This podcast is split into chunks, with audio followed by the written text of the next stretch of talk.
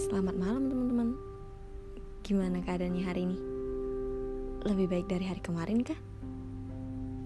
Oh iya Udah senyum belum hari ini? Boleh aku lihat kalian senyum? Terima kasih Semoga kita selalu bahagia Udah lama ya rasanya gak rekaman podcast Gimana kabarnya hari ini? Luka lama udah sembuh belum? Kalau belum, belajar ikhlas yuk. Yang paling penting jangan lupa senyum. Karena senyuman awal dari kebahagiaan. Ngomong-ngomong tentang ikhlas, menurut kalian ikhlas itu yang kayak gimana sih? Memaafkan? Melupakan? Atau kalian punya pandangan lain? Sebenarnya menurut aku pribadi, ikhlas itu maknanya luas. Sangat luas. Tetapi aku ambil kesimpulan bahwa ikhlas itu tulus. Sebelum aku bahas ini lebih lanjut, aku mau bilang bahwa aku juga manusia biasa yang masih banyak belajar. Bukan berarti ketika aku membahas sesuatu yang baik menjadikan aku lebih baik dari kalian. Itu tidak benar. Karena sejatinya, kita semua butuh teman untuk saling mengingatkan. Ikhlas. Di podcast kali ini aku terinspirasi dari postingan Instagram @ceritamotivasi.id yang kata-katanya aku kembangkan lagi mengenai makna ikhlas yang lebih mudah untuk dipahami. Di sini aku tidak membahas tentang mengikhlaskan seseorang dan tidak sedang melibatkan perasaan ya teman-teman bapernya ditahan dulu. Oke, skip. Kalian pernah dengar nggak sih tentang filosofi kopi dan filosofi gula? Yang pertama, inilah filosofi kopi, pembahasan yang pernah booming pada masanya. Seperti kata-kata yang pernah aku dengar, salah satunya ialah Secangkir kopi seolah berkata kepadaku bahwa yang hitam tak selalu kotor, dan yang pahit tak selalu menyedihkan. Hidup itu ibarat kopi, kadang rasanya pahit, tapi itu yang akan membuat mata kita terbuka.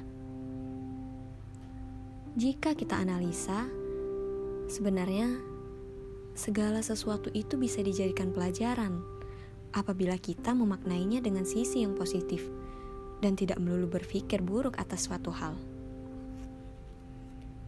Selanjutnya, filosofi gula. Inilah yang akan aku bahas mengenai makna ikhlas. Kalian pernah dengar gak sih? Pernah berpikir juga gak tentang ini? Yang pertama, jika kopi terlalu pahit, siapa yang akan disalahkan? Gulalah yang akan disalahkan karena terlalu sedikit hingga rasa kopi menjadi pahit. Yang kedua, jika kopi terlalu manis, siapa yang akan disalahkan? Ya gula lagi, karena terlalu banyak hingga rasa kopi menjadi sangat manis. Yang ketiga, ketika takaran kopi dan gula balance, siapa yang akan dipuji? Tentu semua orang akan berkata, kopinya enak. Lalu ke mana gula? Yang mempunyai andil membuat rasa kopi menjadi enak. Ikhlaslah seperti gula yang larut. Tak terlihat, namun sangat bermakna. Gula memberikan rasa manis pada kopi. Tapi orang menyebutnya kopi manis, bukan kopi gula. Gula memberikan rasa manis pada teh. Tapi orang menyebutnya teh manis, bukan teh gula. Kopi juga memberikan rasa manis kepada roti. Tapi orang menyebutnya roti manis, bukan roti gula. Orang menyebut sirup pandan, sirup leci, sirup apel. Padahal bahan dasarnya adalah gula. Tapi gula tetap ikhlas larut dalam memberikan rasa manis. Akan tetapi, apabila berhubungan dengan penyakit, barulah gula akan disebut. Itu itulah penyakit gula. Ya, begitu pula dengan hidup. Kadang kebaikan yang kita tanam tak pernah disebut orang, tapi kesalahan akan selalu dibesar-besarkan. Ikhlas dan larutlah seperti gula. Semangat memberi dan menyebar kebaikan. Karena kebaikan tidak untuk disebut, tapi untuk dirasakan. Salam semangat. Sampai jumpa di episode selanjutnya. Semoga kita selalu bahagia. Terima kasih.